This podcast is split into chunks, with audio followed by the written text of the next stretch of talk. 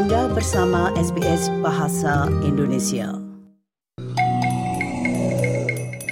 SBS SBS SBS SBS SBS This is SBS Radio. Pendengar sekalian, beberapa waktu yang lalu telah terjadi penyebaran sebuah penyakit misterius pneumonia. Nah, apakah penyakit tersebut? Untuk mengetahui lebih lanjut, rekan kami Ibu Sridin berbincang dengan Dr. Diki Budiman, epidemiologi dan juga peneliti keamanan kesehatan global dan juga seorang guru atau dosen di beberapa universitas. Mari kita ikuti bersama wawancara berikut. Nah, saya akan kembali berbicara dengan Dr. Dr. Diki Budiman, epidemiolog yang juga peneliti keamanan kesehatan global, di mana beliau juga sebagai guru tamu di beberapa universitas. Nah, rupanya ini ada sesuatu yang mungkin perlu kita tanggapi, oleh karenanya kami kembali menghubungi beliau. Terima kasih sekali, Dokter Dokter Diki Budiman. Dan untuk kali ini, Bapak, saya akan mohon Bapak menjelaskan tentang ini, pneumonia misterius itu Bapak, yang Ya. rupanya telah muncul di Cina itu. Mungkin Bapak tahu arahnya kan, karena dulu beberapa tahun yang lampau sesuatu itu yang akhirnya dinamakan COVID juga berasal dari sana. Nah, apakah ini ada hubungannya? Ya, eh, memang pada setiap kejadian di mana ada ditemukan ya, satu kasus infeksi pneumonia yang tidak terdiagnosa atau belum diketahui patogen atau penyebabnya, ini yang eh, akan memicu alarm ya pada level global. Karena mengingat kita tahu ada tiga epidemi bahkan dua pandemi yang dipicu dengan undiagnosed pneumonia ya yang dua di antaranya memang dari China ya yaitu SARS dan COVID-19 sedangkan MERS di Timur Tengah gitu. Nah ketiganya itu diawali dengan eh, kejadian infeksi radang paru jadi pneumonia adalah radang paru ya infeksi paru yang menyerang kita tahu setiap manusia punya dua organ paru, Paru-paru, ya ya. dua irisan. Nah, ini kantung udaranya atau alveolinya diserang oleh patogen sehingga eh, terjadi sekresi atau eh, lendir, ada lendir di situ, bahkan ada dahak ya, bahkan bisa dalam bentuk juga ada darah bisa sedang berat seperti itu. Dan ini tentu namanya kantung udara ya harusnya isinya udara. Nah, dalam kasus pneumonia ini kantung udara itu diisi oleh cairan yang akhirnya menyebabkan pasien atau penderitanya ini mengalami gangguan dalam bernafas selain tentu akibat infeksi itu sendiri.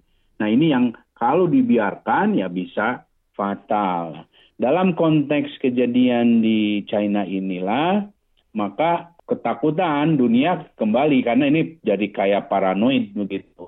Bahwa wah jangan-jangan seperti waktu COVID atau SARS dulu gitu.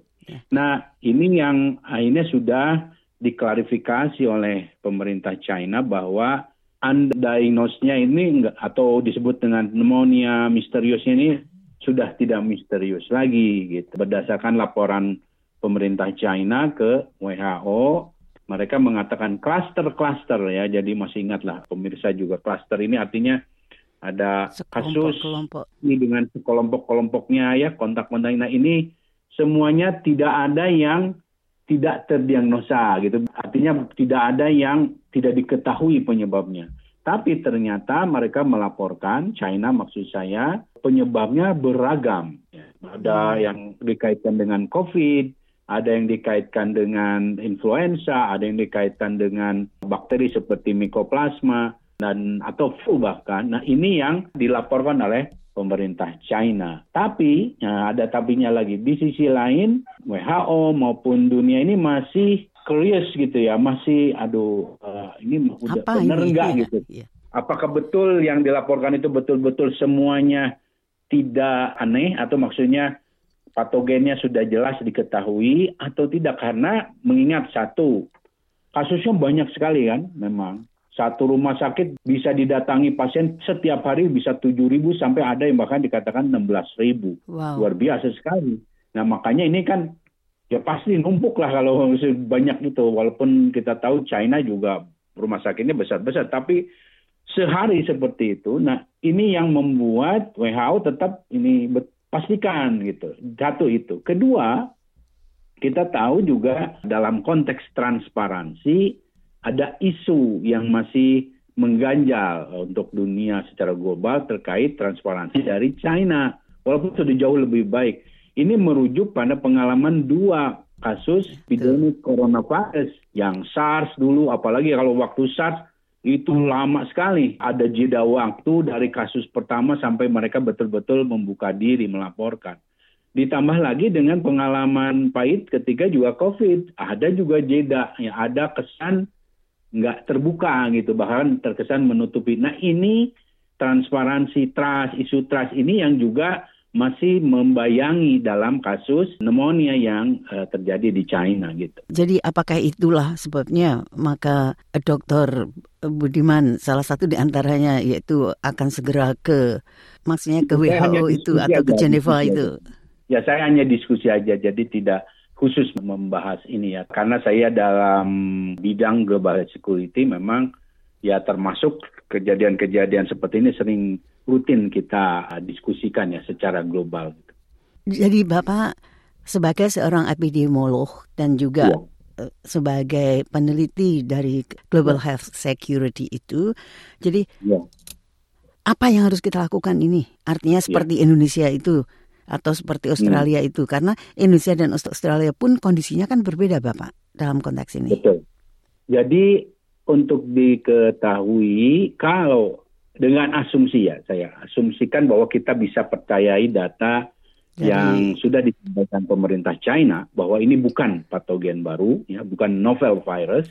Nah artinya ini secara epidemiologi bisa diterangkan dengan fenomena yang terjadi dinamika outbreak dari common respiratory infectious illness atau disease yang tersupresi selama pandemi. Ya, jadi gini, hmm. selama pandemi itu kan yeah. orang lockdown, orang pakai masker, orang jaga jarak dan lain sebagainya. Nah ini yang membuat kenapa selama pandemi kasus flu itu orang flu sedikit banget menurun kasusnya orang dengan infeksi rhinovirus orang RSV kemudian orang juga termasuk kasus pneumonia ini ya eh, juga menurun kecuali pneumonia yang dikaitkan dengan COVID, COVID. gitu ini meningkat jelas selama pandemi karena begini uh, sebelum saya lanjut jadi pneumonia ini adalah satu sekali lagi infeksi paru, peradangan paru, saluran kantung udara yang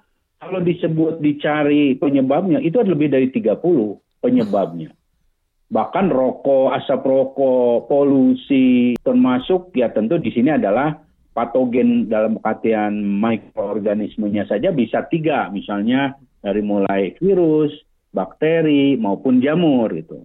Nah, masing-masing juga apalagi virus itu macam-macam. Nah, di antaranya SARS-CoV-2 di dalam situ. Nah, selama pandemi itu selain SARS-CoV-2, pneumonia yang disebabkan oleh yang di luar SARS-CoV-2 itu menurun drastis. Nah, ini tentu kabar baik ya karena ada perilaku yang berubah tadi lebih sehat orang-orang. Nah, tapi di sisi lain ini kan infeksi saluran nafas yang sudah endemik sebelum pandemi terjadi itu mereka udah endemik ya mau itu apalagi kalau di Indonesia yang endemiknya ya misalnya pneumokokus ya infeksi ya ya pneumonia yang disebabkan oleh pneumokokus. Nah ini bukan berarti kalau endemik kan nggak hilang hanya jumlahnya yang menurun. Nah seiring waktu setelah 3-4 tahun masa pandemi, nah jumlah orang yang rawan terhadap infeksi yang tadi sudah endemik macam itu, itu bertambah. Nah, siapa mereka? Ya anak gitu. Anak tiap hari kan lahir, bayi maksud saya. Bayi lahir terus. Ya mereka nggak punya kekebalan. Kemudian kalaupun ada misalnya vaksinasinya, mau itu COVID, ya karena sekali lagi COVID kan bisa menyebabkan pneumonia atau misalnya pneumonokokus ada vaksin PCV misalnya, ya mereka banyak yang belum eligible atau nggak bisa Tidak tahu. diberikan vaksin. Ya tidak tahu karena lagi pandemi namanya. Nah sehingga ketika pandemi ini sudah masuk ke fase endemi, orang nggak pakai masker lagi, orang pepergian lagi, eh, ya bebas lagi lah gitu. Eh, Nah ini muncul mereka punya jalan untuk menginfeksi dan yang paling rawan. Jadi ini dogma atau apa ya teori yang jelas sangat berkaitan bahwa setiap penyakit yang sifatnya endemik, ya infeksi saluran nafas, itu yang paling rawan pertama kali adalah anak, khususnya di bawah lima tahun. Nah inilah saat ini yang terjadi di China maupun di Belanda, di Denmark juga terjadi, di Swiss bahkan ada dilaporkan.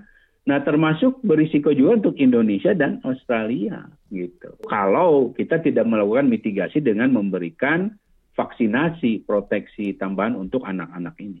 Bapak sudah dikatakan baru saja Bapak juga katakan bahwa harus ada proteksi atau vaksinasi untuk mitigasi itu tadi. Berarti Betul. ini vaksinasi yang berbeda lagi begitu dari COVID itu. Ya, jadi termasuk vaksinasi COVID-nya juga penting karena begini, penyebab dari pneumonia ini beragam tadi. Nah, kalau dikaitkan dengan penyakit seperti COVID, influenza atau flu ya, atau pneumococcus sebagai contoh, nah mereka kan sudah ada vaksinnya. Nah, itu harus diberikan untuk mencegah pneumonia akibat ya pneumococcus ataupun flu ataupun eh, COVID. Nah, ini yang artinya beragam. Termasuk kalau di anak-anak di Indonesia ada juga difteri, tetanus, pertusisnya ya yang yang ini juga penting gitu.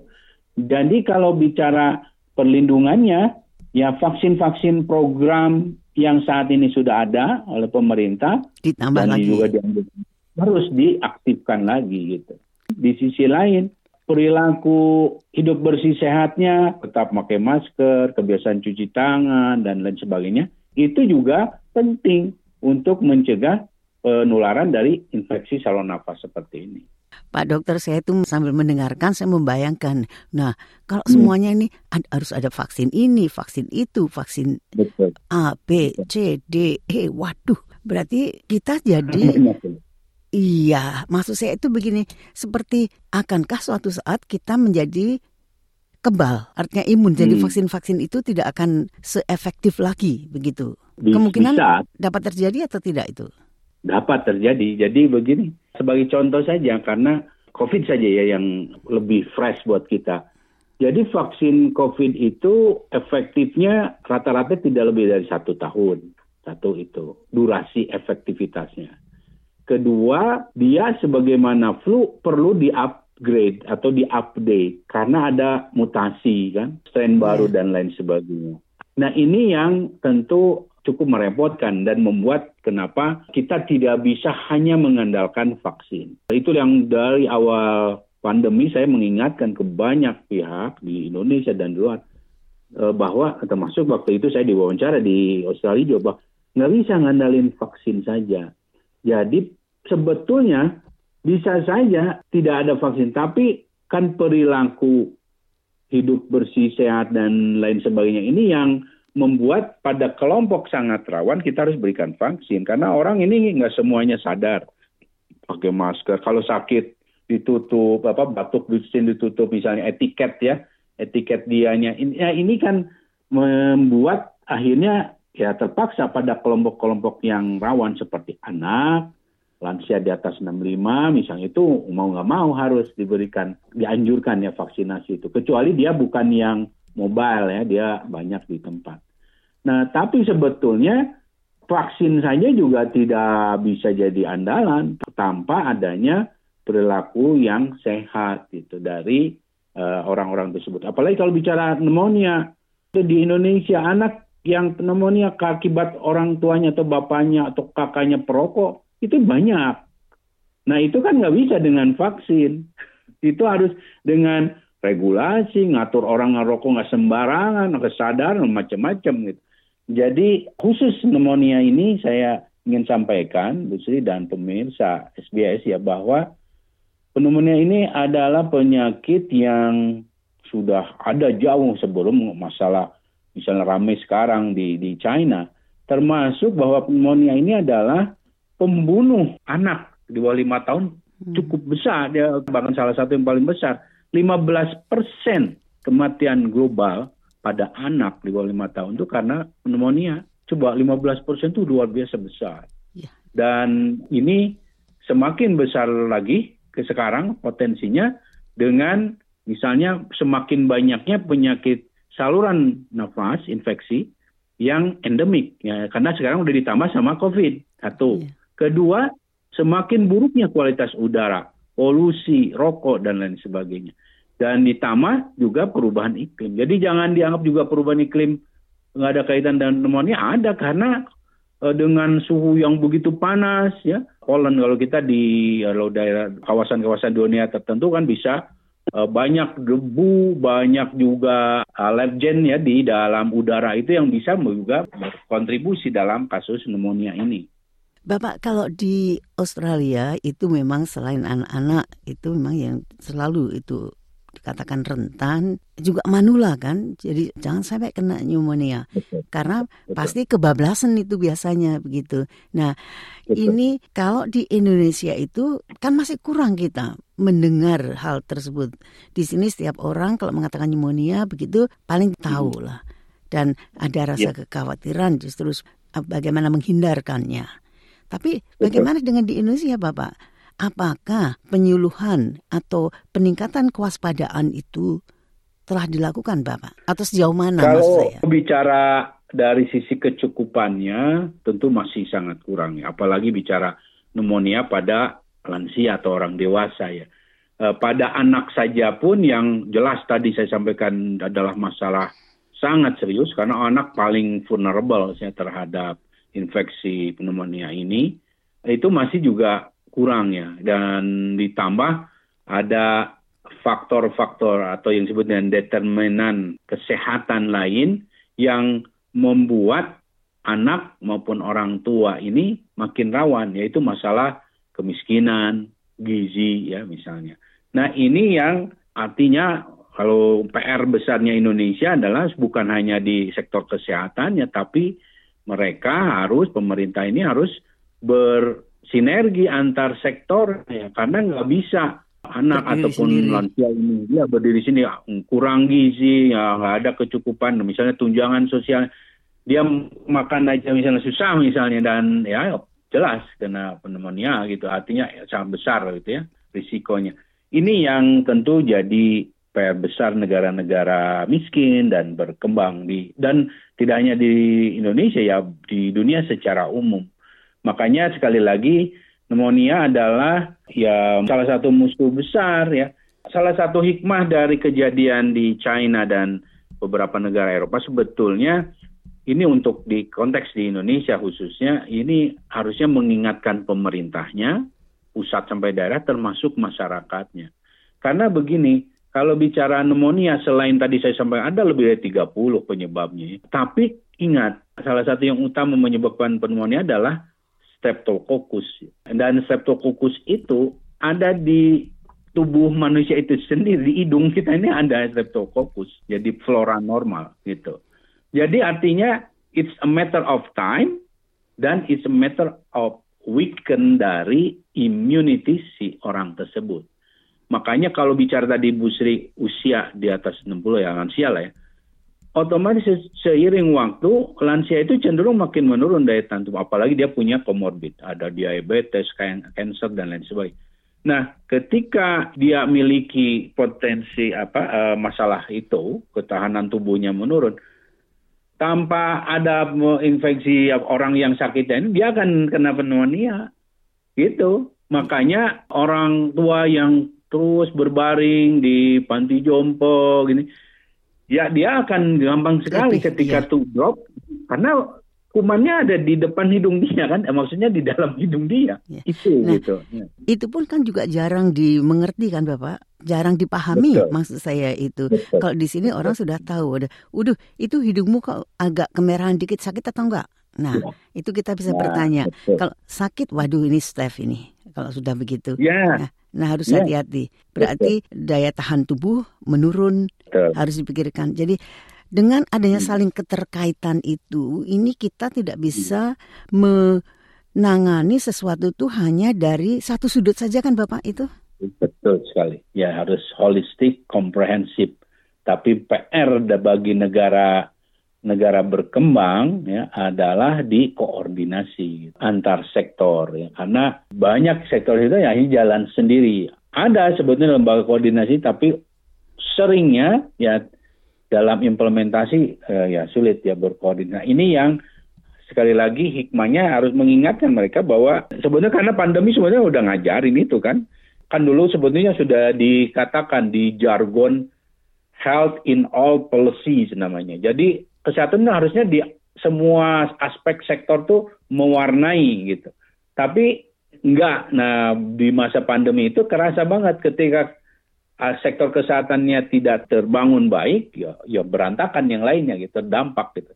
Nah, sekarang dengan isu pneumonia ini sekali lagi juga mengingatkan ya kesehatan ini penting banget. Nah, ini yang harus mewarnai dan diwarnai oleh sektor-sektor lain gitu. Nah, ini yang jadi PR-nya.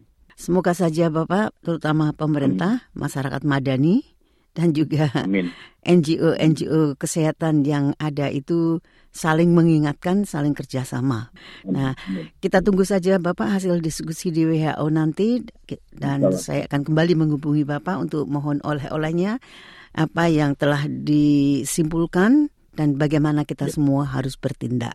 Baik. Dokter, Dokter Diki Budiman, terima kasih sekali Bapak dan Kami-kami Bu Sri dan trip. pemirsa, Itu. Selamat sore. Assalamualaikum.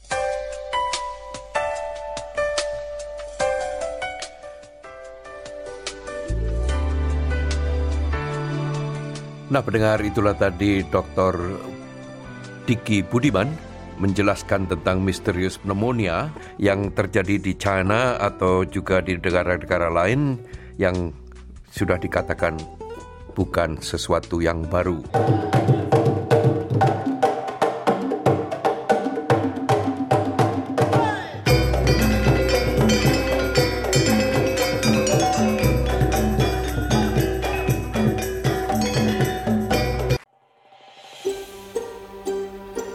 Sukai, berbagi, komentar. Ikuti SBS program Bahasa Indonesia di Facebook.